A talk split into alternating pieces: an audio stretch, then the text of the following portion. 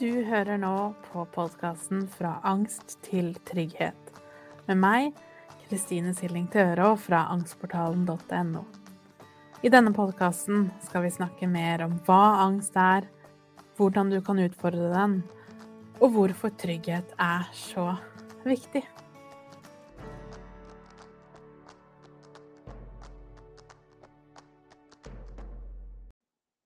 Hei og hjertelig velkommen til episode nummer 23, hvor jeg skal snakke om barnet med angst. Så i forrige episode så var temaet det å få barn når du selv har angst, eller å være en forelder med angst. Og nå så har jeg lyst til å snakke om når det er barnet som har angst. Jeg skal snakke litt om hvordan du kan vite om barnet ditt har angst. Litt sånn tidlige tegn. Hvor kan man ta kontakt?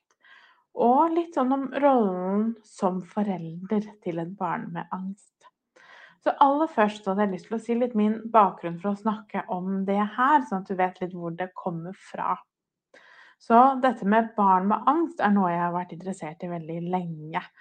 Og jeg skrev også en bacheloroppgave om psykisk helse i skolen, hvor jeg snakket, eller skrev om nettopp det med tidlige tegn og, og tiltak osv. Og, og en annen side av det er at mye av det jeg snakker om, om angst, så er det nettopp det indre barnet vi snakker om. Det er barndommen vår som er viktig for hvordan vi selv har det som voksne. Så egentlig alt jeg snakker om om angst, vil jo også relateres til barn. Altså når du er barn i nåtid. Men så er det jo selvfølgelig litt ting som trenger å tilpasses og, og kanskje være litt ekstra på vakt med når det er barn vi snakker om. Og det kan være ekstremt krevende som forelder når du merker at barnet ditt ikke har det bra. Det er kanskje marerittet.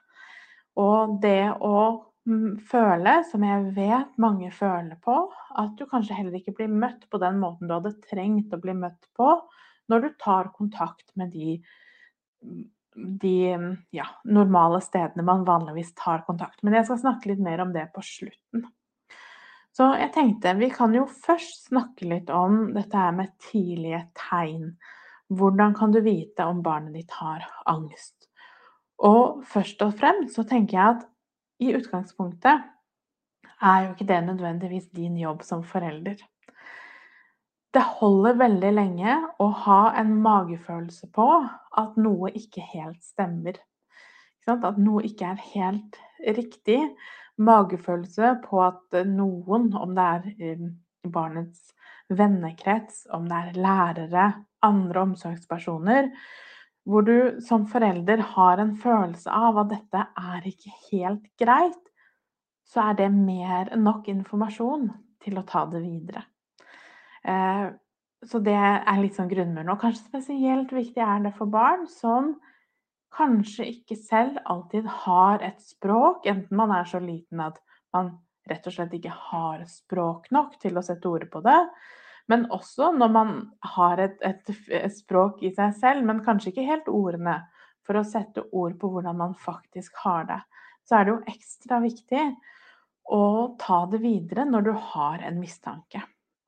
Men typiske symptomer, eller typiske tegn på at du kan vite at noe ikke helt stemmer Og det er jo egentlig ikke symptomer som er kun for angst, men symptomer på at barnets psykiske helse kanskje ikke er helt der det skulle ha vært.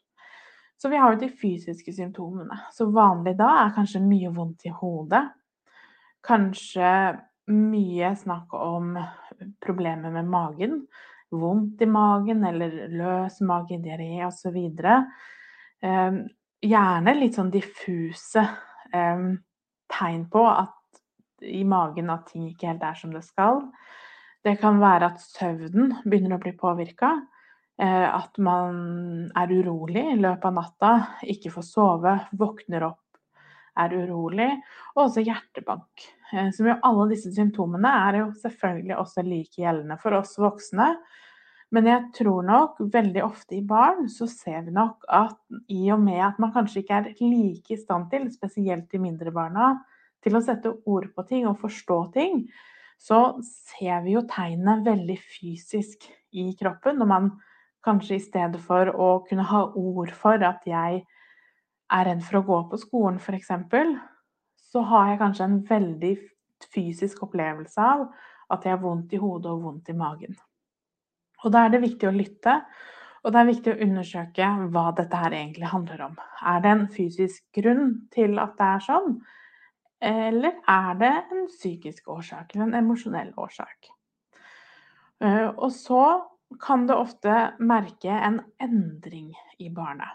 Eh, at kanskje barnet går fra å f.eks. være veldig sosial til å ha veldig mye å fortelle, til å plutselig bli stille eller uttrykke seg på en måte som er litt annerledes. Så som forelder så er jo du ekspert på ditt eget barn, så du vil merke bedre enn noen andre om det skjer en endring.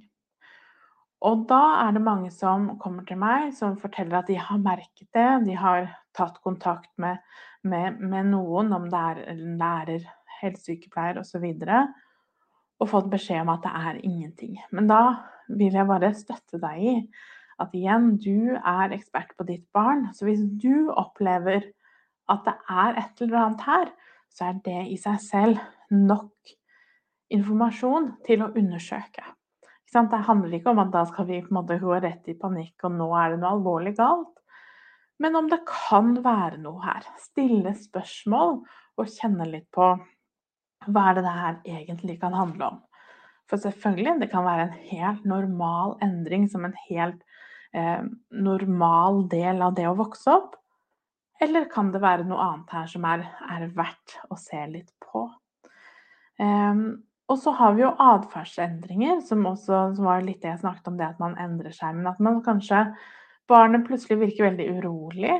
Um, kanskje ikke helt lenger klarer å sitte stille når man gjør ting som man vanligvis ville kunne sitte stille i, f.eks. å se på TV, eh, spille spill osv. Men plutselig ikke helt klarer å roe ned kroppen. Um, eller at barnet uttrykker bekymring for noe som kan, kanskje ikke har vært et spesielt tema før. Og det kan være alt fra å gå ut av huset, gå på skole, kjøre bil, kjøre buss. Eller generell bekymring over at noe vil skje med, med mor og far, eller med andre de er glad i. Uh, og da er jo gjerne disse bekymringene av en sånn art at de ikke bare går over. Det er jo helt normalt å ha en normal frykt for ting. Men bekymringene vi snakker om her, er jo gjerne de som ikke går over. Ikke sant? At du kanskje er litt engstelig for noe du skal på skolen, en, en framførelse f.eks. Men etter det så går bekymringen over. En angstbekymring vil gjerne vedvare og vil gjerne kverne. Og så er det også da viktig å si at det som gjør dette her så komplisert, er jo at det er jo ikke alltid veldig tydelig. Og barn er, som også voksne, naturlig nok, veldig gode til å skjule ofte når ting ikke føles bra. Og det er vondt. Det er vondt å høre, det er vondt å tenke på, og det kan føre til ekstra bekymring hos oss som foreldre, naturlig nok. Um, og jeg tror det viktigste av alt er jo å ha at vi slår det fast, at det å være bekymra for barnet ditt, det er veldig normalt. Det er noe vi alle foreldre gjør. Og derfor så tenker jeg det er viktig å vite hvor du skal henvende deg. For det er klart, det er viktigere å si ifra en gang for mye enn en gang for lite når vi snakker om, om temaer som det her. Og da kan det jo være lurt å ha noen gode fagfolk som du kan støtte deg på. Hvor du kan si du, jeg opplever dette her. Dette ble sagt, dette ble gjort, eh, dette ble uttrykt på noen måte. Hva tenker du om det? For å få noen utenifra til å kartlegge litt. Og naturlige steder, det er første steder å, gå til da, er jo skolen først og fremst det å ha god kontakt med lærere. Videre så er det jo på de fleste skoler, og i hvert fall i tilknytning til kommunene, en helsesykepleier som man også kan ta kontakt med når man er bekymra. Men det jeg har hørt ofte, og da tenker jeg det er også viktig av meg å påpeke at jeg hører jo bare om de tilfellene hvor det ikke har vært vellykka. Det er jo derfor de tar kontakt med meg. Det er jo sjelden eller aldri noen tar kontakt med meg fordi de har så, fått så god hjelp der de skulle ha fått hjelp. Så det er litt sånn bakteppe på det jeg skal si nå. Hvis du opplever at skolen, lærere, helsesykepleier ikke tar tak i dette på en måte som du mener er riktig, du føler deg avfeid, ting tar veldig lang tid, eller de i, i f.eks. tiltak som blir satt inn, får du en opplevelse av at det ikke er helt det riktige. Så igjen har jeg lyst til å bare støtte deg i at din magefølelse som forelder stemmer. Fordi det er ikke gitt at selv om noen er lærer eller helsesykepleier eller psykolog for den saks skyld, er det ikke gitt at de kanskje har den forståelsen eller tilnærmingen som er riktig for deg og barnet ditt.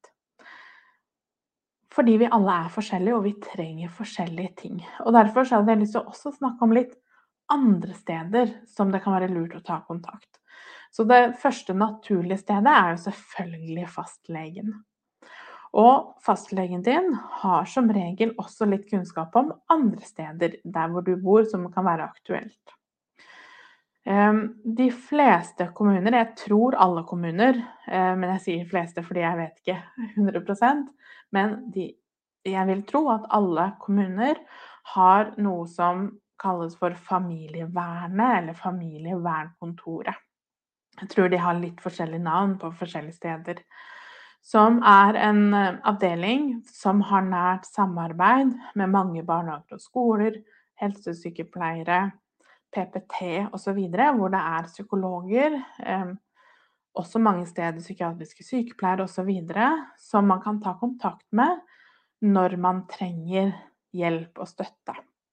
Så hvis du føler å ikke bli møtt på den måten du trenger å bli møtt på, så er det som regel et veldig godt sted å, å ta kontakt. Og da hvis du går på hjemmesiden til kommunen din, søker på familievern eller familiekontoret, så skal det så står det nok der et telefonnummer eller en kontaktskjema, sånn at du kan skrive litt om hva som er, og så får du tildelt din kontaktperson.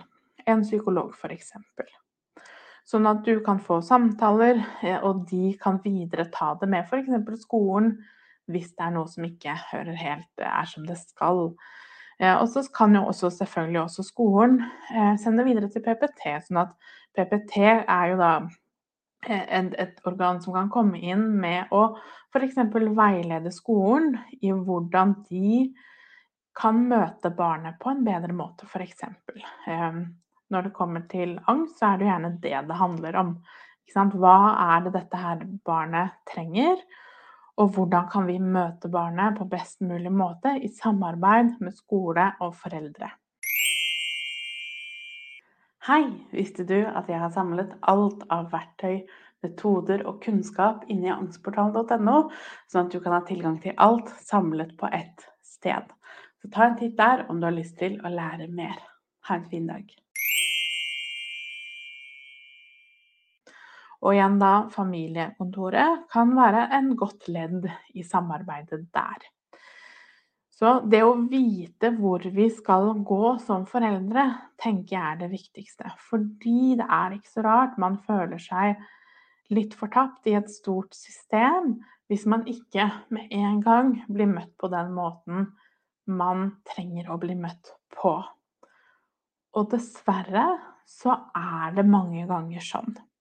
Det er lite forståelse eller lite kunnskap veldig ofte. Og igjen, husk på at jeg sier det ut ifra mitt grunnlag, med at jeg ofte blir kontakta fordi det har vært dårlig, eh, dårlig samarbeid.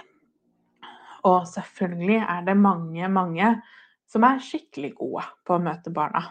Men, men, jeg går ut ifra at du hører på meg akkurat nå fordi du er i den første kategorien. Så det at du som forelder har noen flere bein å stå på, det tenker jeg er viktig både for barnet, men ikke minst også for deg som forelder. Fordi det er ekstremt krevende når barnet ditt ikke har det bra, og kanskje veldig ofte er du ikke helt sikker på hvorfor, eller hvor alvorlig det er. For det er ikke så lett å vite, og som forelder så er det selvfølgelig også veldig vanskelig å se situasjonen utenifra. Fordi det er så ekstremt mye følelser og, og frykt involvert, naturlig nok. Så det da å ha noen å støtte seg til, det er viktig. Og når det kommer til barn, så skal de jo gjerne gå gjennom systemet.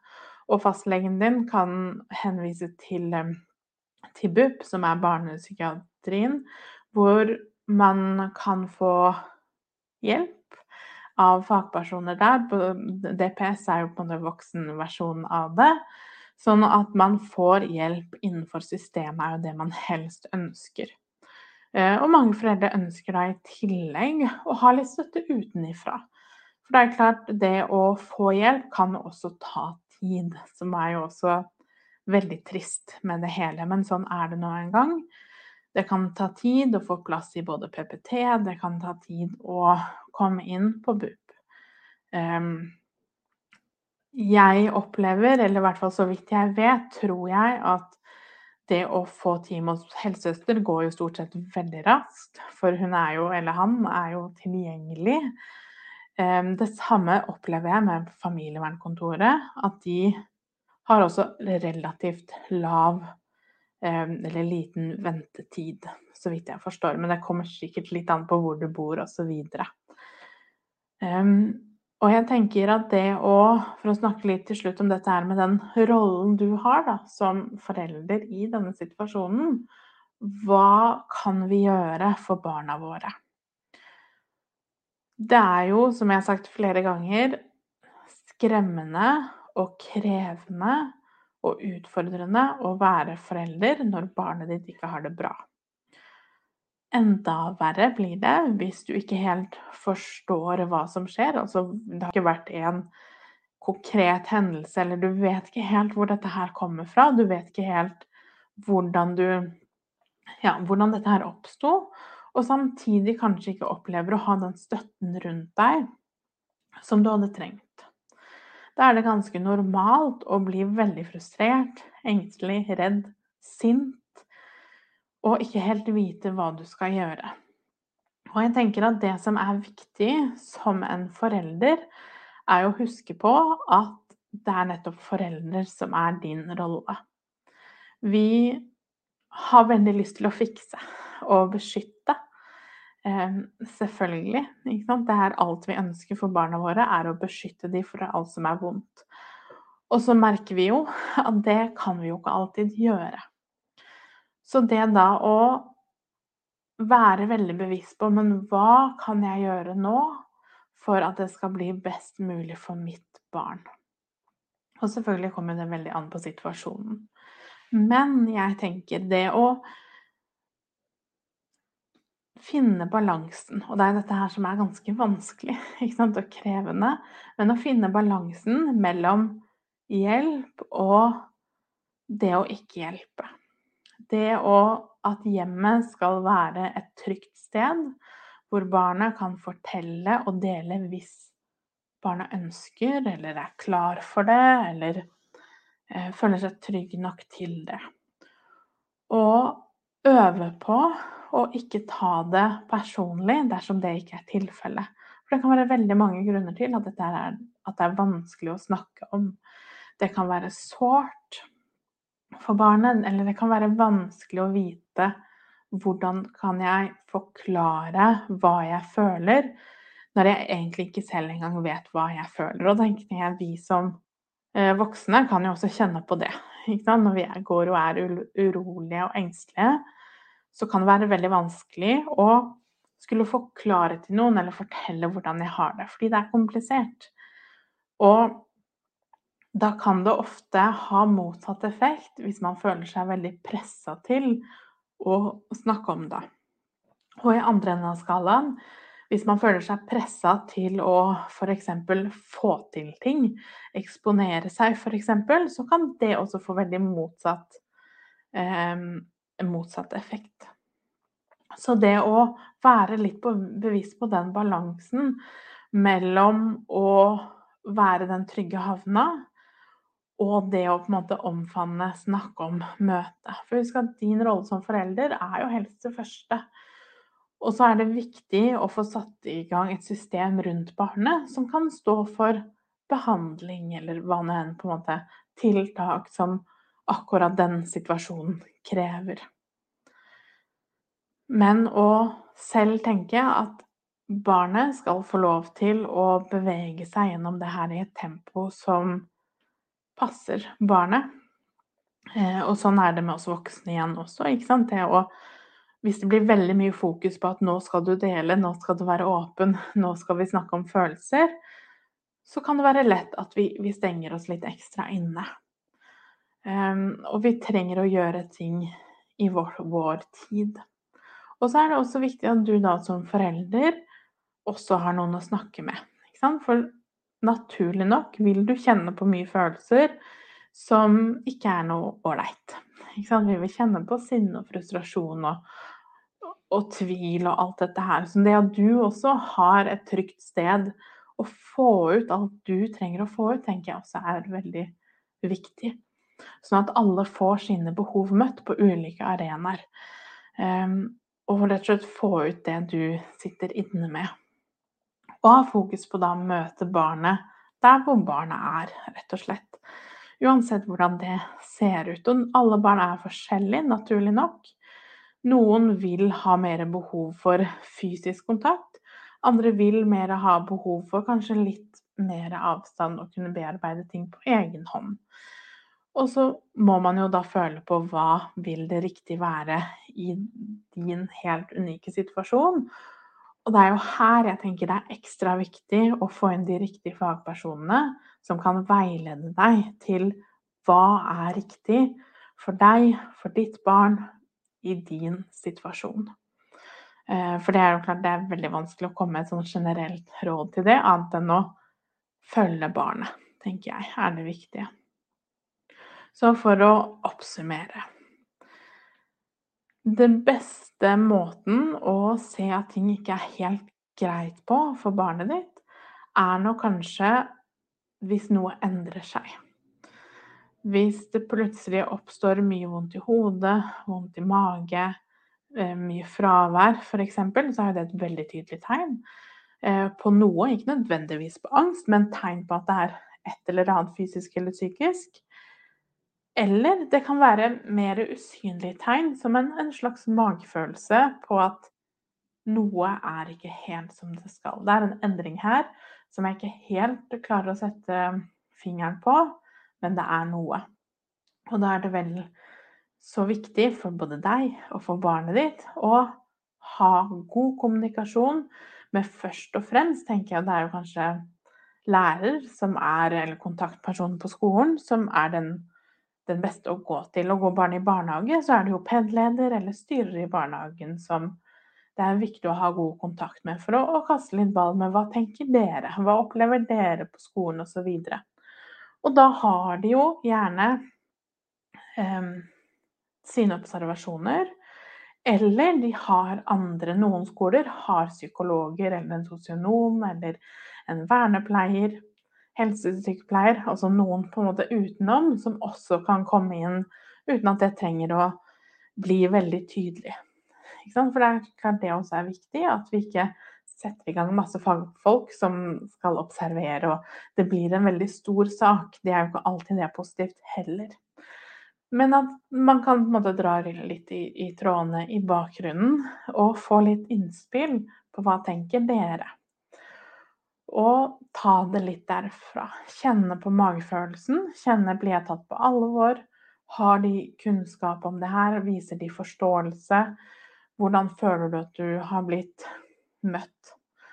Og så tenker jeg også da til slutt å bare slenge med at hvis du føler på at du maser, som vi gjerne som foreldre kan føle på, så vil jeg at du skal huske at for det første er det helt normalt. For det andre så er det jo De fleste har en forståelse for at det er viktig, og vil ikke se på det som mas. Eh, tenk på det mer som kontakt eller oppfølging. Eh, men det er klart, som foreldre så føler vi gjerne at vi, vi maser, eller at vi ja, vi, vi, ringer ofte eller lager mye bry. Men husk at for den i andre enden er det ikke sikkert at det er sånn det blir oppfatta. Og i hvert fall ikke hvis det er ja, en, en, god fagperson i andre enden. Så vil det bli mottatt med varme og med omsorg og forståelse. For alle som er foreldre, vil kjenne på og kjenne seg igjen i at det å ha et sykt barn, om det er fysisk eller psykisk, det er skummelt og skremmende, og vi vil bli veldig bekymra, naturlig nok. Og da skal vi bli mottatt på, på riktig måte. For å lære mer om angstmestring og mine metoder, så går du til angstportalen.no. Du finner meg også på Instagram som Angstpedagogen, og på Facebook som angstportalen.no. Der har jeg også en gratis Facebook-gruppe hvis du har lyst til å komme i gang og bli kjent med andre som har det på samme måte.